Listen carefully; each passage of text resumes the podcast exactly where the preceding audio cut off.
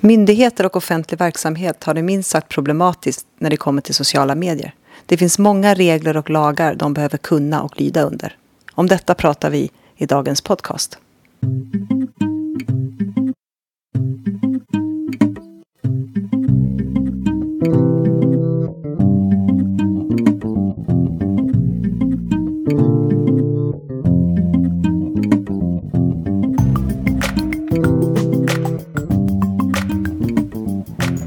Hej, det här är podcasten Social by Default och precis som alltid är det jag, Sara Larsson Bernhardt, som tillsammans med Deeped Niklas Strand driver den här podcasten.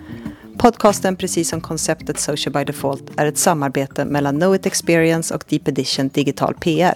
Och du kan läsa mer om oss på socialbydefault.se. Om ni vill kommentera avsnittet eller har idéer för framtida avsnitt, twittra med hashtaggen socialbydefault eller prata med oss på vår Facebook-sida.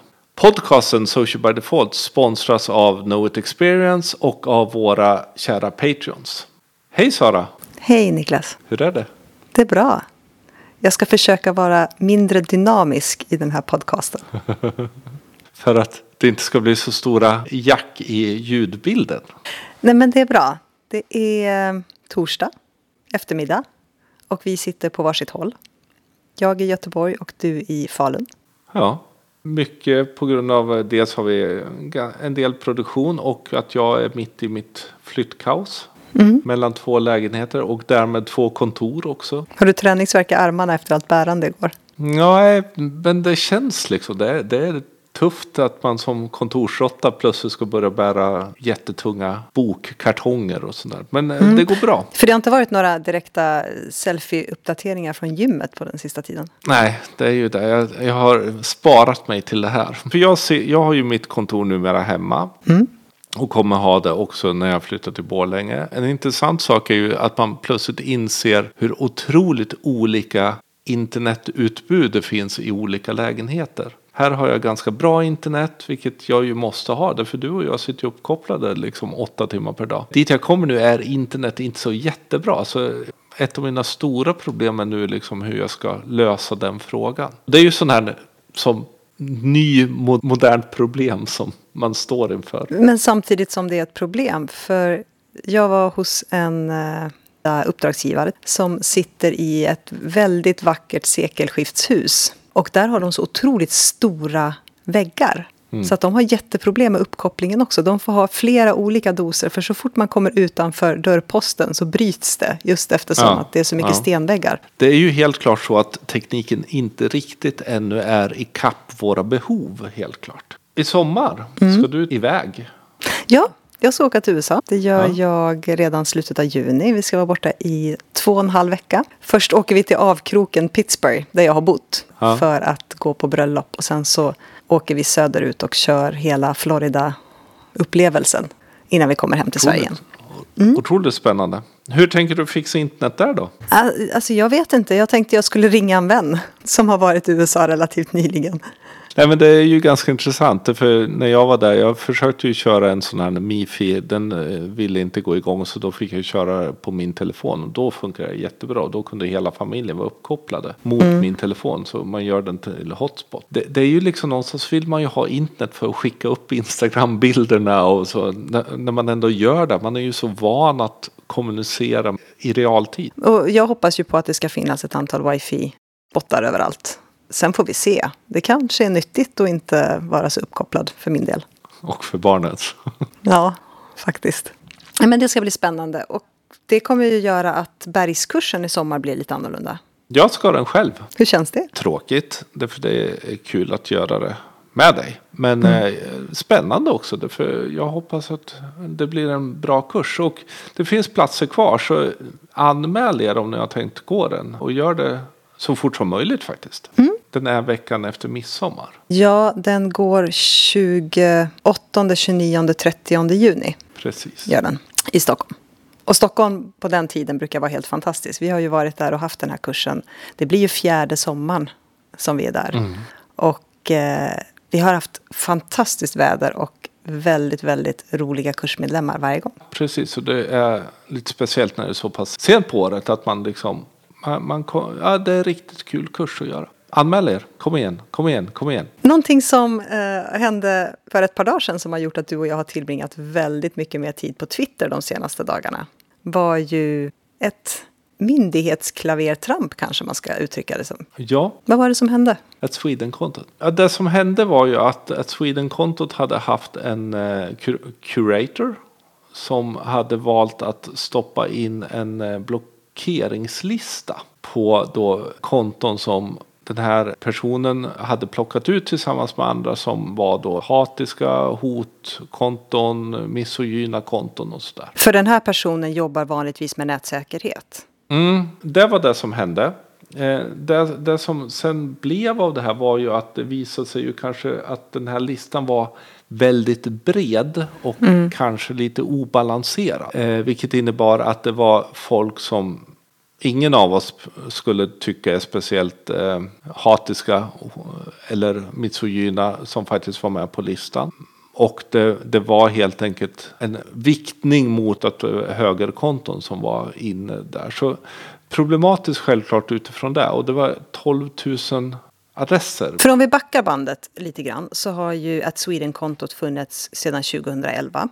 Och Eh, det är ju ett roterande konto vilket innebär att man får nominera en svensk som man tycker ska ha hand om kontot och den då blir kurator under en vecka. Och de har ju inte haft, det har ju varit ett väldigt öppet konto. Man får inte lov att bryta mot eh, svenska lagar. Man får inte lov att promota vissa varumärken och så har jag för mig. Och sen får du som kurator lov att blocka om du känner att du har folk som pratar till dig som eh, helt enkelt är otrevliga eller hatiska eller på andra sätt gör att din vecka blir eh, obehaglig.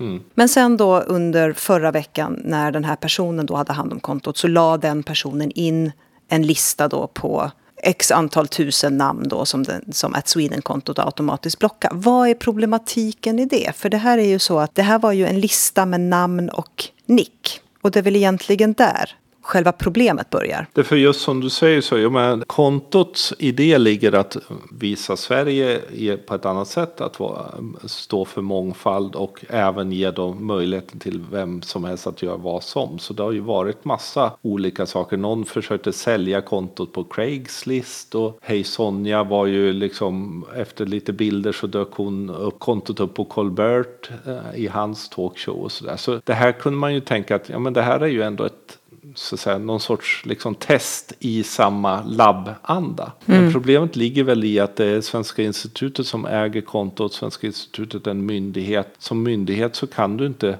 blockera personer bara för vad de har gjort någon annanstans eller sådana. Alltså det är ju, det är ju där det ligger och att det blir då ett register man använder. Precis, för som myndighet får du inte upprätta register över individer och du får inte heller exkludera dem enligt yttrandefriheten i Sverige, eller hur? Nej, eller man bör ju inte göra det. Om, om det är ett myndighetskonto så bör man ju inte exkludera personer om de inte verkligen är fullkomligt sjövilda. Och då handlar det ju mer om att gentemot det kontot. För det här blev ju en sorts proaktiv blockering. Mm. Helt enkelt att, att man, man tog det som man tyckte var kända troll, hatare, misogynister, sexister, allting. Och blockerade dem i förhand det innebar ju att även om du inte har gjort någonting så blev du så att säga dömd eh, som någonting. Och med tanke på att det var just de här kriterierna då så anklagades Sverigekontot eller SI då att eh, bedriva åsiktsregistrering. Vilket man kan diskutera om det var. Men framförallt problemet var ju också att det var väldigt många false positives. Alltså helt enkelt personer som blev ganska kränkt av att bli anklagad. För i, den, i den här då listan så fanns ju bland annat eh, före detta kuratorer av att Sweden-kontot själva. Ja. Det fanns eh, en av eh, de kanske duktigaste och mest högljudda journalister som idag rapporterar direkt från Mellanöstern. Och Israels ambassadör fanns med. Ja, och ett antal riksdagsmän, inte bara då från det högraste partiet utan faktiskt eh, Centerpartiet och liknande. Knepigt när man eh, säger att det är kvalitetssäkrat och det kommer fram att det kanske inte var fullt så kvalitetssäkrat som det var. Nu har ju de hävt den här listan. Ja. Vad tror vi händer med Sweden-kontot nu? Har det varumärket eller trovärdigheten ruckats? Vi har ju lite olika uh, syn där tror jag. Vad tror du? Från början när jag hörde det här och, och liksom började följa både media och framförallt diskussionerna kanske på Twitter så trodde jag att det här var slutet för att Sweden. Det har ju ändå funnits som sagt sedan 2011. Kanske någonstans inte har spelat ut sin roll men haft sina glansdagar och frågan är hur länge ska man låta det här kontot leva vidare. Sen vet vi också att klimatet på Twitter har blivit tuffare. Vi har diskuterat det i podcasten åtskilliga gånger och det är inte helt oproblematiskt idag att vara kurator utav ett Sweden-kontot. Man får ta en hel del hot och hat. Så jag trodde att de skulle välja att stänga ner kontot efter det här. Jag tror ju att det här kontot i sin bredd och framförallt att det är så pass öppet som det är. Att det ändå kan klara av en sån här sak också. Själva kontot. Jag var väl mer orolig att Svenska institutet skulle så att säga, slänga det till vargarna för att klara sig undan kritiken. Liksom. Det enklaste hade varit att ja, vi stänger kontot. Men det verkar de hålla sig ifrån att göra, hoppas vi. Mm. Men precis som du säger så är ju ett, alltså egentligen det stora problemet är ju inte ett Sweden-konto. Det är ju faktiskt att människor känner sig hotade mm. och känner sig otrygga på nätet när man pratar om någonting. Och där är ju myndighetskontornas utmaning väldigt mycket. Därför vad ska vi göra då en sån här gång när det finns människor som kanske säger nej för att man känner sig utsatt. För det tar ju otroligt mycket kraft och känsla och Eh, det är svårt att inte ta det till sig när man utsätts för den mängd av drev som faktiskt att Sweden-kontot den senaste tiden har råkat ut för. Nu hade de ju tur att det var en duktig kille som tog över det nu i måndags mitt under det här kaoset och lyckades på någonstans hålla en ganska skön distans till allting som var. Han började med att lägga upp en rätt rolig mem som helt enkelt beskrev hans känsla mm. att ta över den här stafettpinnen. Och har väl fortsatt på samma linje resten av veckan. Det jag hoppas och tror är att det någonstans eh, sker ganska mycket diskussioner. Dels självklart på Svenska institutet men också inom annan, framförallt offentlig sektor. Hur ska vi hantera det, den situation som de facto är. Att människor är utsatta för hot och hat. Det finns ett antal konton som faktiskt mest springer omkring och är vidriga. Och hitta då en nivå som fortfarande håller både yttrandefrihetslagen, eh, offentlighetsprincipen och andra lagar som myndigheter måste förhålla sig till. Att man så att säga inte bryter mot dem på hela tiden. Därför som Elsa Dunkels påpekade som var lite arg på mig. Jag har ju hållit myndighetsdiskussionen eh, ganska mycket. Eh, hon tyckte ja men en myndighet har också ansvar att skydda personer som man som hanterar de här. Och det har hon mm. helt rätt i. Eh, så otroligt svår fråga det här. För vi sitter ju just nu med ett antal dokument, riktlinjer, ramverk, ja, strategier, policy. Eh, just när det, när det gäller både liksom riktlinjer för anställda men också hur en offentlig verksamhet ska sköta sitt eh, framförallt Facebook-konto. Mm. Den här diskussionen för vår del kom ju väldigt, väldigt lägligt med tanke på att det har varit några riktigt duktiga officiella personer som har uttalat sig om hur framförallt myndigheter och offentlig verksamhet ska förhålla sig till det här. Och det är inte helt lätt. För å ena sidan har du lagar som du måste följa och å andra sidan har du anställda och människor som faktiskt ska arbeta och kunna ha en dräglig arbetssituation. Och det är inte alltid de här två går hand i hand idag. Nej. Väldigt sällan. Och den grundprincipen är ju att inte blocka alls. Mm. Det är ju säkert den princip man behöver följa. Men det blir ju svårt i slutändan. Ja, men det kan vara spammare som verkligen spammar sönder allting. Och vet vi Facebook, ja, men får du tillräckligt mycket inkommande meddelanden under viss tid. Då antingen måste du stänga ner själv för att moderera eller helt enkelt så stänger också Facebook ner kontot. Vilket innebär att ska man låta det fortgå bara för att man ska vara uppe. Hur kan man komma runt det här då? För jag menar som, som offentlig verksamhet då, eller om du sitter på till exempel en kommun eh, och då får den här problematiken. Självklart så, så kan du ju, om det skulle spåra ut, blocka för en viss tid. Men det är ju just den här listningen av de du blockar som du behöver undvika. Ja, precis. För jag menar att, att göra register och framförallt är det ju extremt lätt att det faktiskt blir ett åsiktsregister. Det får man ju inte göra. Alltså åsiktsregister får du inte göra. Eh, personregister får du inte heller upprätta hur som helst. Vilket har du en lista med konton som du ska undvika så då hamnar du i ett personregister. Men här har vi också en fundering då. För att jag menar, du har ju å ena sidan Facebook där vi kanske tenderar att ha mer äktare och närmare personligt konto. Vanliga människor har ju sitt för och efternamn och eventuellt bostadsort och sådär. På Twitter har du ju faktiskt möjlighet att kalla dig precis vad du vill. Är det fortfarande en åsiktsregistrering eller en lista kopplad till personuppgifter om du har ett Twitterkonto som heter någonting helt annat än vad du själv kallar dig? Bra fråga. För jag menar någonstans i grunden har du ju som person ändå skapat kontot. Eh, mm. och jag menar är du inte otroligt duktig på att eh, sopa igen alla spår efter dig så är det klart att ett Twitterkonto går ganska enkelt att hitta vem, som, vem det tillhör. Så även om, om så att säga, det inte står namn och så så bör man nog vara ganska försiktig. Om vi går tillbaka till ett Sweden-kontot då och problematiken var den här listan på nick med för och efternamn. När du skapar en lista på konton som du följer, landar inte det i samma problematik då? Men den listan är ju ofta på Twitter eller på Facebook eller så. Alltså den, den ligger ju i systemet. Det är ju mer när du börjar upprätta egna register. Det som någonstans är viktigt tycker jag är just att också se den här. Jag menar, jag tror som offentlig sektor måste man kunna blockera reaktivt helt enkelt. Ändå hantera riktiga troll och så. Då handlar det ju om att sätta upp en egen policy, att följa Facebooks trivselregler och inte minst svensk lag. Mm. Och helt enkelt utifrån det faktiskt vara väldigt solklar varför man blockar och även kommunicera det. Precis, för det brukar ju vi råda våra uppdragsgivare att eh, först så behöver man varna en, två eller tre gånger. Och det kan man ju idag göra via PM väldigt enkelt på framförallt Facebook. Och sen när man blockar så ska man också förklara det.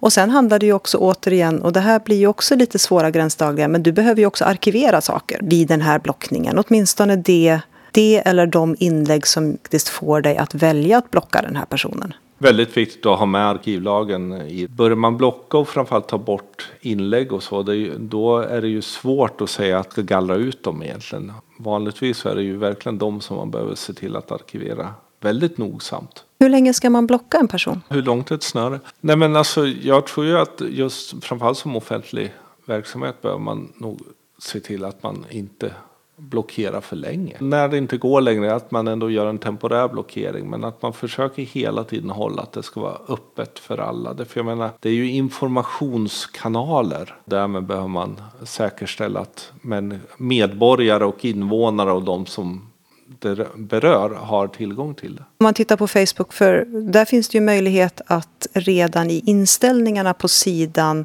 se till att man kan eh, tagga vissa ord. Framförallt kanske ord som har... ja, det skulle jag inte ens vilja säga. Könsord. Precis, fulare könsord. Nej men lite sådana ord. Alltså det här har du ju möjlighet på Facebook att redan inställningarna på sidan se till att inlägg som har de orden inte publiceras överhuvudtaget. Eller att de åtminstone döljs direkt så man får moderera dem. Och det, här kommer ju modererings diskussionen in eh, som, som en oerhört viktig del att ha med sig i det här. Att jag menar, när det gäller Facebook, liksom, att faktiskt ha en aktiv moderering mm. och veta vad man gör. På Facebook kan man ju svartlista, man kan blockera och man kan dölja meddelanden. Och det, det där får man, behöver man ju sätta upp en klara regler för så alla vet spelreglerna. Och lägga dem i policyn på Facebook. För då kan du alltid hänvisa till den när folk börjar prata om censur och liknande när deras inlägg inte dyker upp. På Twitter så är, har man ju block. Men där har man ju också mute. Det var väl en av diskussionerna runt att Sweden. Varför blockade man? Vilket innebär att personen faktiskt inte kan läsa. Mm. I mute så kan ju människor läsa. Men även om de skriver 7000 mentions till kontot så slipper man se elen. Och där är ju liksom att, att titta på ett sätt att utnyttja det. För en mute kan ju också göras under en dag så kanske någon lugnar ner sig lite. Och på LinkedIn har du en vanlig blockering. Mm. Och sen på Instagram så har du ju blockning och anmälan. LinkedIn är ju intressant just att ja, men där börjar det ju bli, bli blockeringar också. Det är, ju, det är ju kanske det sista man trodde skulle ske blockeringar på. Men där dyker det upp. Precis, vi pratade ju om det när vi eh, hade intervjun med Oskar. Att eh, klimatet på LinkedIn faktiskt har förändrats. Mm. Och då dyker det ju upp mindre positiva sidor hos människor i alla nätverk egentligen. Om man pratar anmälningar och så. Hur tänker vi och vad, vad säger vi till dem vi arbetar med just runt sådana saker? Alltså, man ska ju alltid vara försiktig med att anmäla. Men så fort man märker att någon upprepat bryter mot svensk lag, mm. alltså hets mot folkgrupp eller hänger ut andra med personuppgifter och så, så brukar vi säga att ja, men det finns en, man ska skärmdumpa och man ska anmäla i så fall. Men det gäller ju när det är brott mot lag. Eh, som privatperson har du ju faktiskt möjlighet att mer, jag ska inte säga lättvindigt, men kunna anmäla konton. Men som myndighet och eh, offentlig verksamhet så ska man ju ha på fötter innan man gör det. Och framförallt då se till att man har bevisfört varför man har gjort det också. Precis, därför jag man bryter det också mot svensk lag så handlar det ju om att faktiskt eh, ta kontakt med polisen också. Därför jag menar, lagbrott som måste anmälas. Viktigt att göra det tror jag också. Så att eh, polisen får ännu mer upp ögonen att det här sker inte bara mot eh, enskilda personer utan det sker även mot myndighetssidor och liknande. Och de själva är nog ganska väl medvetna om det för deras sidor brukar vara ganska hårt åtgångna. Och här Så... gäller det ju då att man har sådana processer klara eh, i sina policies eller sina riktlinjer så att man vet vem det är som har mandat att göra det eller om man ska gå högre upp i organisationen för att få mandat. Otroligt viktigt att, ha torrt på fötterna när man gör det här och ha policies och så, så alla som jobbar med det blir trygga i det. För just trygghetskänslan är jätteviktig hos de anställda. Och det märker vi också när vi har våra uppdrag att när man har satt en, ett ett ramverk eller en riktlinje. Man vet vilka spelregler man har att förhålla sig till. Så märker vi också att det blir en helt annan, helt annan proaktivitet och medvetenhet när man arbetar med just den här typen av frågor. Och där blir just, som du är inne på, att man, man faktiskt berättar om spelreglerna. Inte bara internt utan också gentemot de som besöker en på, om det är Facebook eller så att man har klart att det här är det som vi anser gäller för vårt konto. Det var det vi hade för idag. Hoppas ni känner att ni fick med er några viktiga och nyttiga tankar som ni kan ta tillbaka till er organisation eller er arbetsdag. Vi lägger som vanligt in länkar i show notes och de hittar ni på podcast.socialbydefault.se. Glöm inte prenumerera på oss. Vi finns på iTunes, Soundcloud, Acast och Stitcher och det är bara att söka på Social by Default. Om ni gillar podcasten, ge den jättegärna betyg. Recensera den på iTunes. Vill ni stödja podcasten ekonomiskt så gå in på patreon.com socialbydefault. Alla inkomster som kommer in där kommer gå till att utveckla podcasten. Och som vi tidigare sagt, tryck till med hashtaggen socialbydefault. Och vill ni nå oss på Twitter, på Instagram och Snapchat och överallt annars så heter jag Atlipen. Och jag heter Sanna C. LB. Tack för oss. Tack.